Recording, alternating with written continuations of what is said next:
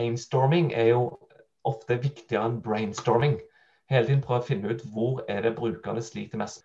Og underveis utfordre antakelser som man, både, man gjerne har som en student eller en ansatt, eller på vegne av sin klient. Så har man gjerne noen antakelser på hva som fungerer godt, som er relatert til kanskje etablerte bransjesannheter. Eh, i hermegårdstegn.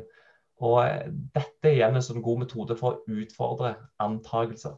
I eh, dag så har vi med oss eh, Ranvi Rai, som er førsteamanuensis på Høgskolen Kristiania. Og mitt navn er Arne Krumsvik.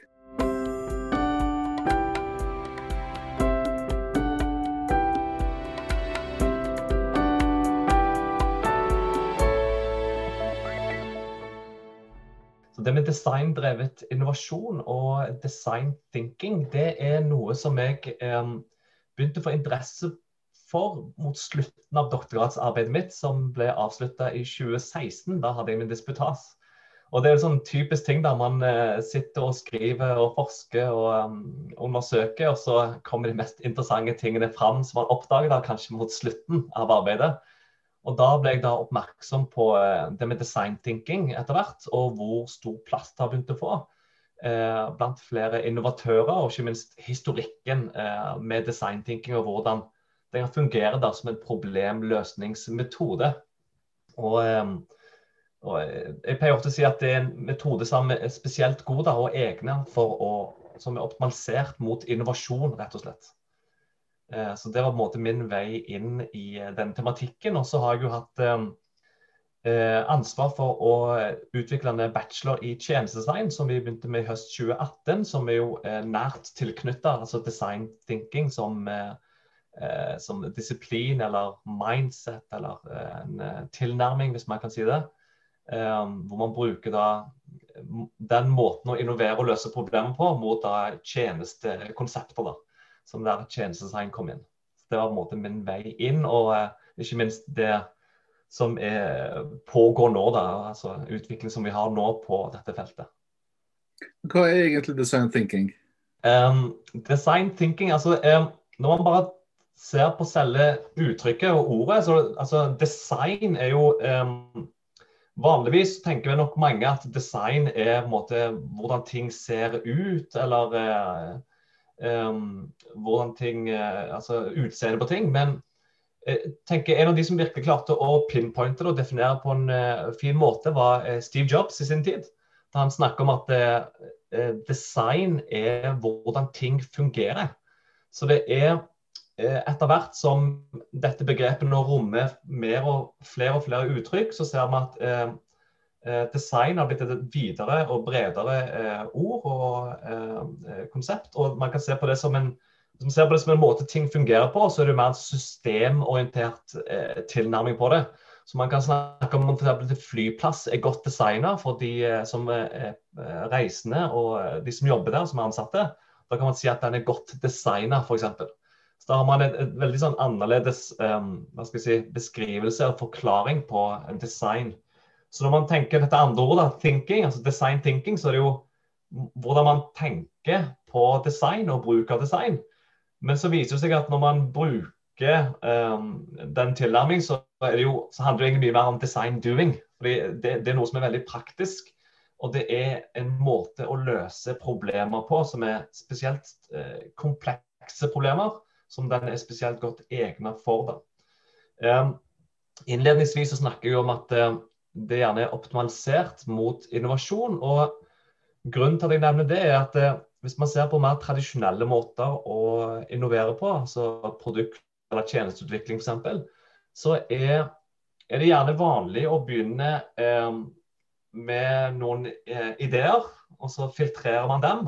bruker en god del tid på å filtrere ut de dårlige, men beholde noen. Og så går man i gang med noen utviklingsprosjekter, og så leverer man det mot kunde. Um, og Det viser jo at det, dette kan fungere i noen settinger um, hvis man kjenner problemene ordentlig, ordentlig godt, men feilraten er veldig stor, rett og slett. Så når man ser på uh, litt sånn metastudier for innovasjon, så ser man jo fort at ni av ti innovasjonsprosjekter feiler. Eller så mange som eh, syv av ti eh, entreprenører eller gründere de, eh, de må på en måte legge ned driften sin i løpet av tre til fem år. Så tallene er jo på en måte litt sånn ja, triste og deprimerende, nærmest. Så um, det med design thinking har vært en, måte, en slags økt erkjennelse på at vi kan ikke ha for mye idégenerering som skjer i vakuum. Vi må heller begynne med å få opp innsikt om kunden eller brukeren. Eh, da gjerne å forstå kundens reise, f.eks., eller eh, brukerreisen, eller customer journey map, som man sier på, eh, på, engelsk. Så prøver man å finne ut hva er det som fungerer godt, hva fungerer mindre godt. Såkalte pain points og smertepunkter. Og ut ifra det så forsøker man å tenke kreativt på den innsikten og deretter utvikle noe. Så man har snudd på denne rekkefølgen ganske mye. Begynner med kunden og brukeren, istedenfor å slutte med, med den, eh, det aspektet. Så eh, det som skjer da, er at du får helst da et, eh, en produkt eller tjeneste som er kanskje godt nok i begynnelsen, men så må du da stadig iterere på det ved å vise dette fram gjennom eh, småskala eksperimenter og prototyper. Eh, til en eh, eksisterende eller potensiell bruker og se hvordan fungerer dette i praksis. Um, og Det er nettopp den um, man skal si, disconnection som har vært tidligere. at Man har hatt en produkt eller tjeneste, og så tenker man ok, vi får bare satse på at dette fungerer der ute i bruk. I praktisk bruk, altså diffusjonsprosessen som man snakker om i uh, innovasjonslitteraturen. Men gjennom designtenkning så prøver man å koble det med utvikling uh, og bruk mye tettere og ikke minst iterere på dette her eh, ganske kontinuerlig. Så man kan si at eh, man forsøker å tenke mer utadvendt, eh, og i mindre grad eh, innadvendt og navlebeskuende. fordi så Hvis man tenker worst case her, hvis du, mer, altså hvis du blir ordentlig navlebeskuende, så finner du stort sett navlerusk, egentlig. Så her prøver man egentlig å få innsikt fra brukerne og andre aktører som er interessenter i et eller annet problemområde som kanskje er påvirka av en eller annen problem, som også kan være med og gi innsikt. Så det trenger ikke bare være brukere eller kunder, det kan også være fagpersoner eller andre premissgiver som kjenner konteksten eller problemet godt. Så man snakker veldig ofte om eh, det må være brukerorientert istedenfor å være brukerstyrt. Eh, nettopp for å fange opp denne kompleksiteten som mange problemområder kan ha. Så med designtenkning tenker jeg det som er ekstra positivt med um, denne tilnærmingen, er nettopp det med å håndtere kompleksitet. Uh, der er det, veldig, det er en veldig god metodikk for nettopp ivareta kompleksitet. Um, så det å kunne definere et problem er jo faktisk halve jobben for å kunne komme fram til en løsning. som er Egentlig så det er et sitat fra Dr. Phil, men det er jo greit å bruke han en gang iblant. Uh, man får uh, sitert ham. Så det man kan si at dette egnet seg jo spesielt til ganske sånn sammensatte problemområder. Om det er f.eks. Um, ensomhet blant eldre, eller mobbing på videregående skole, eller frafall fra, ved høyere utdanning, som ofte involverer mange ulike aktører eh, på ulike steder. Um, I ulike form, former av økosystemer, f.eks. Um, så eh, prøv, bruker man god tid på å få innsikt eh, på hva disse ulike aktørene trenger. Og ikke minst for eh, denne hovedbrukeren som dette problemet gjelder for, på å finne ut hvilken problemstilling er det man ønsker å ta utgangspunkt i, ut i da fra et gitt problemområde. Man prøver å snevre det inn gjennom eh, et innsiktsarbeid, slik at man er i stand til å løse deler av eh, dette problemområdet. Um, så det er da designtenkning spesielt godt egnet for da, uh, å håndtere kompleksitet. Hvordan ser du du samler inn den innsikten fra brukerne?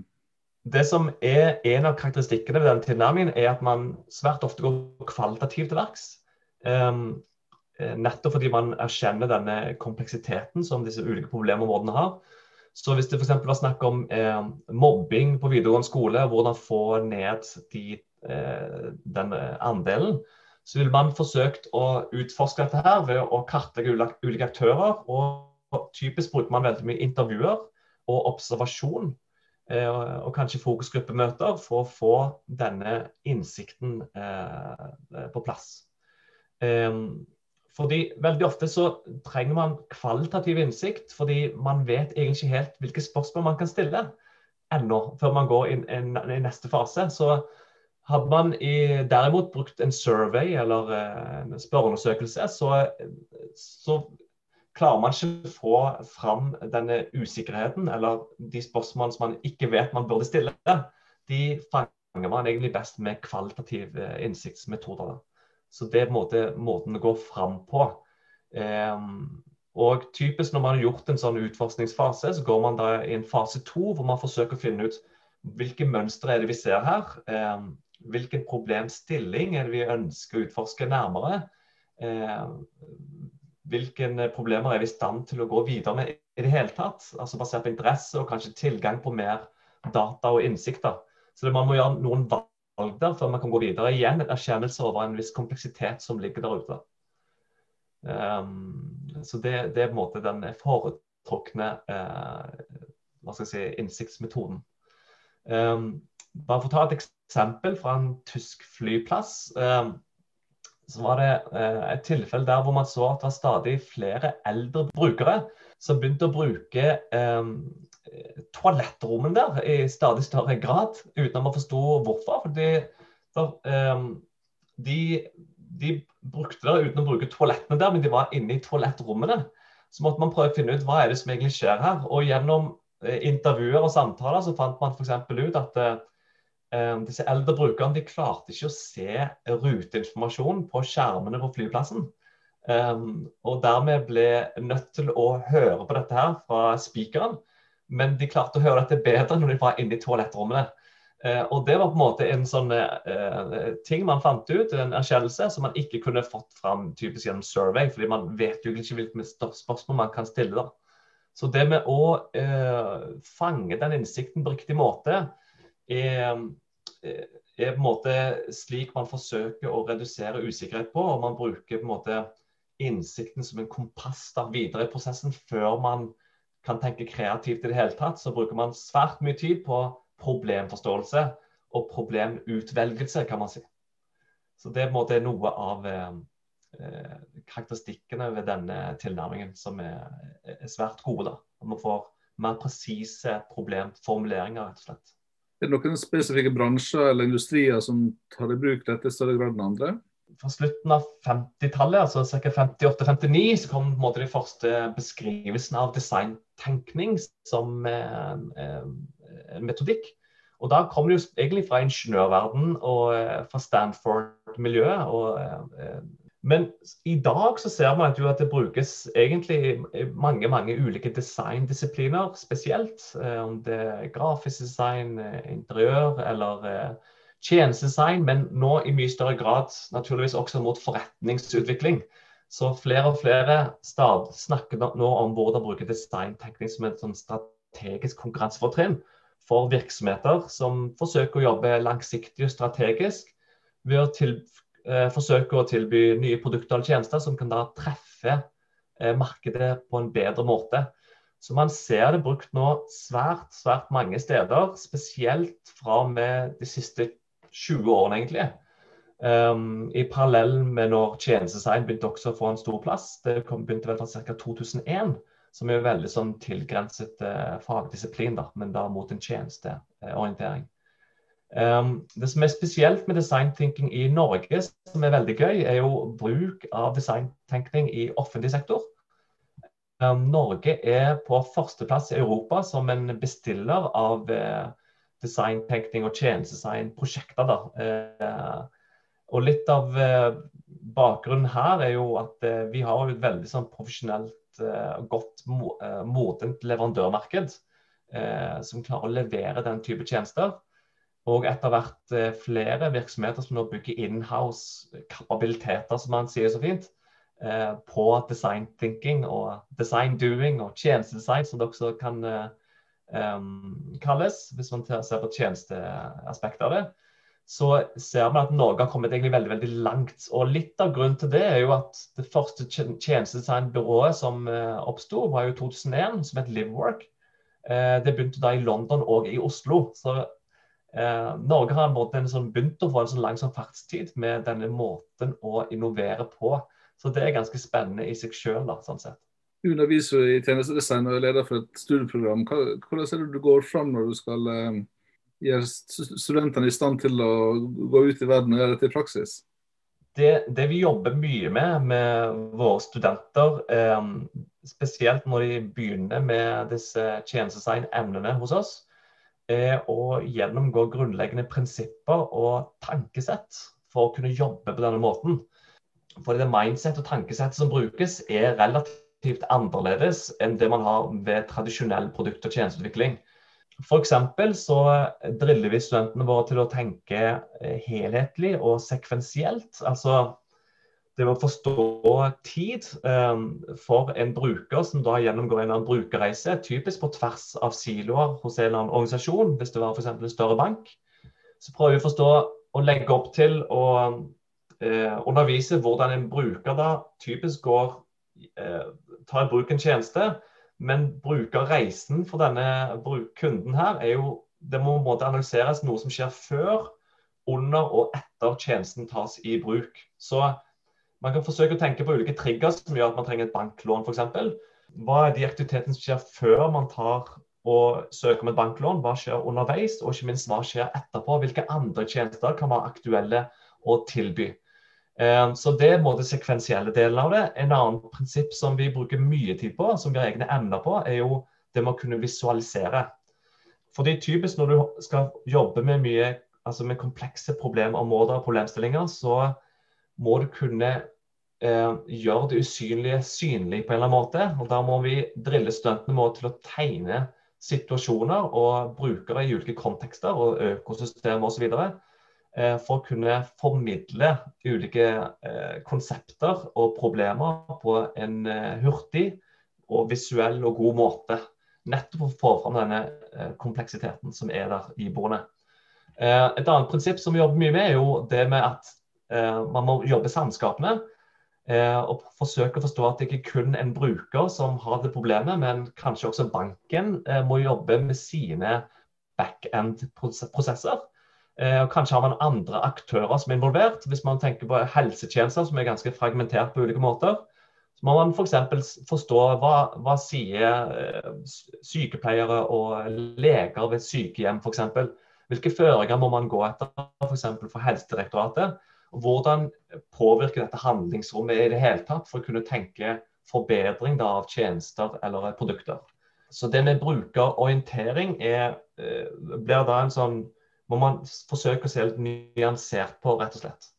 Andre prinsipper vi jobber mye med, er jo fysisk prototyping og testing. Eh, og Det er noe som mange av studenter blir litt sjokka over når vi kjører denne type eh, design thinking-øvelser på våre forretningsstudenter også, f.eks. For av og til. At man skal faktisk lage noe på ordentlig, så man kan vise fram til potensielle brukere eller kunder. Fordi når du får vist fram et eller annet, en slags mockup eller en low fidelity eller eh, prototype som man kaller det på på engelsk, det kan være en papirprototype, det kan være egentlig hva som helst, så får du en feedback som er mye mer presis ofte. fordi da blir brukerne i bedre stand til å kunne si noe om hva han eller hun intuitivt føler om dette her, i tillegg til det rasjonelle og analytiske. Um, så får du en helt annen type feedback, fordi du forsøker å bygge på begge disse to vidt forskjellige måtene å tenke på.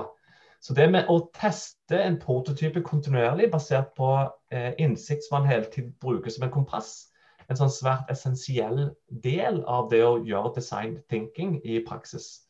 Så det er veldig, veldig langt ifra en skrivebordsøvelse. Og dette er jo eh, noe som mange virksomheter også der ute nå eh, kurses i rundt i, i det vide land her i Norge kommuner og banker og forsikringsselskaper osv. Altså typisk flere som jobber med tjenesteorientert eh, eh, verdiforslag. Typisk forsøker å, å finne ut hvordan gjøre dette i praksis, og hvordan bli god på det. Så det med å bygge opp design thinking som en kapabilitet er på en måte en sånn, eh, et satsingsfelt for mange. Og Man kan jo snakke ganske mye om dette, her, selvsagt, men det med å kunne omfavne usikkerhet eh, over tid er typisk en egenskap ikke veldig mange har så mye trening i. Fordi man er jo kanskje mer vant med å lage detaljerte planer på Word og Excel, eh, og så lansere noe over eh, lang tid. Dette her handler mye mer om å gjøre ting håndfaste og testbare relativt raskt. Og Da er det ikke sikkert at du klarer å få eh, 100% sikkerhet i dine beslutninger, men du kan f.eks. basere deg på 70 sikkerhet. Eh, og, og, forsøke å teste ut noe, prøve å bruke intuisjon underveis eh, i parallell med innsikten som du har opparbeida. Så det, du blir fort sånn du kan fort havne i situasjoner hvor det er stor grad av ambiguitet, altså motstridende evidens eller eh, bevis foran deg. Så må du forsøke ulike løsninger og se hva som fungerer underveis, egentlig. Så bare det i seg selv krever jo ganske annerledes tankesett og mindset. Og eh, et sitat jeg liker godt, er jo If you're learning, you're never failing. Så man må forsøke å fail fast, som man sier på engelsk, og forsøke å lære hele tiden. Eh, andre prinsipper som blir gjeldende her, også for våre studenter, som de drilles i, jo hvordan painstorming er jo ofte viktigere enn brainstorming.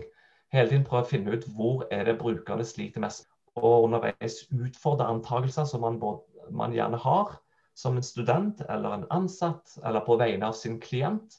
Så har man gjerne noen antakelser på hva som fungerer godt. Um, som er relatert til kanskje etablerte bransjesannheter eh, i hermegårdstegn. Og dette dette er igjen en sånn god metode for å utfordre antagelser. Litt morsomt når man tenker på ordet antakelse på engelsk, som er 'assume'. Hvis du deler det opp, så ser man at det består av uh, When you assume you make an ass out of you and me. Hvis du bryter det opp, da. Så OK. Bare en sånn uh, side note. Du forsker også på den tematikken. Hvordan ser du det går fram i praksis da? Eh, det ene caset som vi nå nylig publiserte på, eh, det var eh, Adeline Hvitsten og meg. Hun jobber også ved School of Arts, Design and Media. Eh, så hadde vi ett case hvor vi så på bruk av robotteknologi eh, som en del av en ambulansetjeneste. Eh, hvor man forsøkte å altså De som var prosjektleder der, forsøkte da å forbedre kommunikasjon mellom ambulansepersonell og sykehusleger. Og dette var da på et veldig spesifikt sted ute ved Røros kommune. Slik at man kunne forhindre at man hadde for mange utkjøringer eh, som man egentlig ikke trengte, men hvor man kunne få feedback eh, fra eh, disse legene på sykehus gjennom videokommunikasjon via en sånn robot som man brukte. Det var veldig sånn sært case, men eh, forskningen her ser på eh, rett og slett hvilken effekt gir nye løsninger når det er del av et, si, et slags økosystem, hvor du har en tjeneste som stadig utvikles, enten iterativt eller ved større byks, kan man si.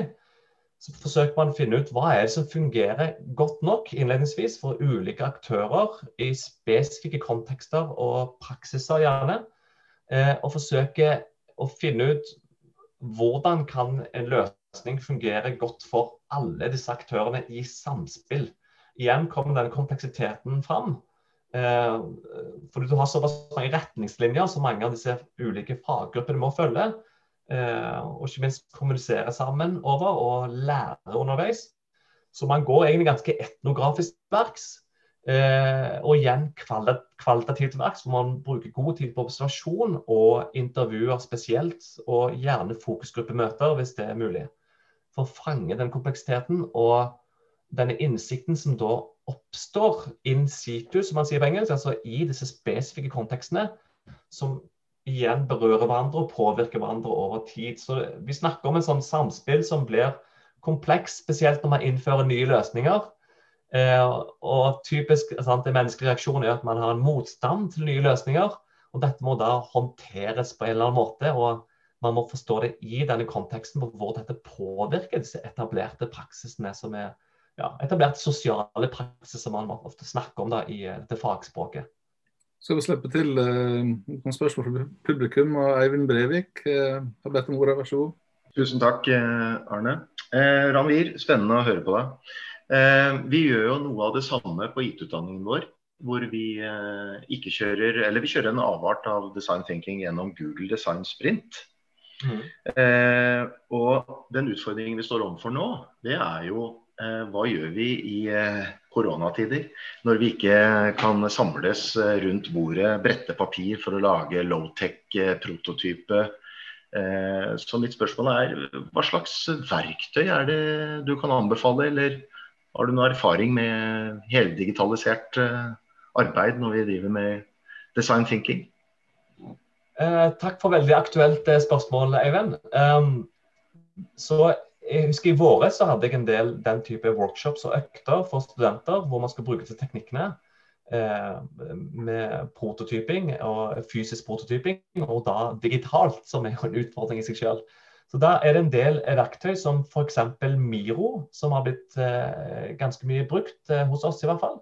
Og så har vi fått eh, en del opplæring fra andre fagressurser som er ordentlig flinke på dette. her, På hvordan fasilitere den type idégenereringsøkter f.eks. og prototypeøkter.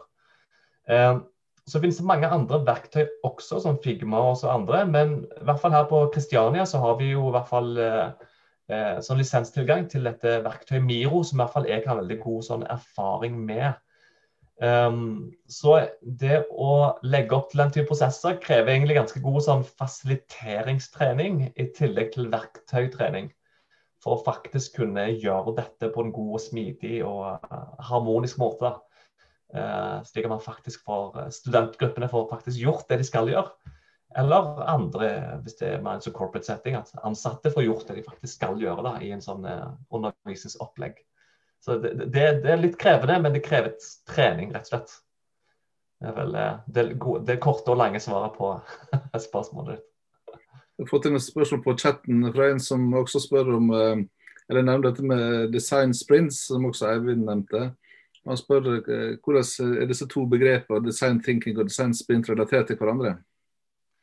Veldig bra spørsmål igjen, um, og veldig aktuelt. fordi disse buzzordene, buzzordene blir jo aldri slutt på. Det kommer jo stadig nye buzzwords. sant? Så design thinking er vel mer eh, filosofien eh, og nærmest paradigmet man snakker på, som er litt i bakgrunnen der. Um, eh, som er jo en forholdsvis kan fort bli langvarig prosess når man kjører design thinking-prosjekter. Mens en design sprint er, som man hører litt i begrepet og navnet, er jo en veldig mye kortere økt. Som eh, ble da først introdusert av Jake Knapp, eh, Knapp som da eh, introduserte en fem dagers variant. Um, hvor du da kjører denne innsikt- og idé- og testfasen relativt kjapt på fem dager. Eh, en økt erkjennelse som kom fram der, var jo at fem dager fulltid ble jo litt mye for noen. Så nå har den blitt kortet ned til fire dager. Og igjen så ser vi at mange syns at det er også lenge, så man ser nå typisk også todagersvarianter av design sprint.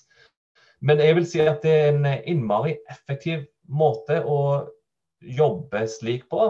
Uh, igjen hvis man klarer å fasilitere dette på en, en smidig måte, en god måte. Uh, og ikke minst involvere beslutningstaker underveis, slik som metoden faktisk legger opp til for å faktisk få den progresjonen som man trenger for å kunne, fram, kunne komme fram til en godt egnet prototype på den andre siden. Uh, fordi Det som mange deltakere eller studenter ofte opplever, at det er veldig gøy å jobbe på denne måten. For Man ser resultater forholdsvis kjapt, og man får lov til å jobbe fysisk med ting. Noen bruker leire og modellere ting, f.eks. Lage scenarioer eller eh, lage klikkbare prototype-apper osv. Um, og føler veldig gøy, men så idet du forlater workshop-rommet, så er jo store spørsmålet hva skal du faktisk gjøre etterpå? Hvordan bruke denne måten å løse problemer på eh, ellers i en organisasjon f.eks. Og da må man tilbake igjen til kapabilitetsbygging og kunne få til kompetanseutvikling på tvers i en organisasjon. Um, og, og, så må det på et eller annet tidspunkt opp i ledelsen uh, også for å kunne forstå hvordan dette kan brukes. Og i de siste årene nå så ser vi at flere organisasjoner, større virksomheter her i Norge, begynner å bli bedre, stadig bedre på dette her. Uh, så vi har et par forskningsprosjekter nå hvor vi ser på hvordan man innoverer i praksis, og hvor tjenestedesign og design thinking begynner å bli ganske sånn utslagsgivende um, måter å gjøre det på. Uh, hvor man bygger opp kapabilitet over tid, rett og slett. Uh, um, Først med mye kursing, typisk innledningsvis. Og så involvering og, og forankring opp mot ledelsen, slik at man ideelt sett kan organisere seg i større grad mot kundereiser der ute, og mindre grad i typiske siloer som salg, markedsføring osv. Så, videre. så man forsøker å bli mer bruker- og kundesentrisk over tid.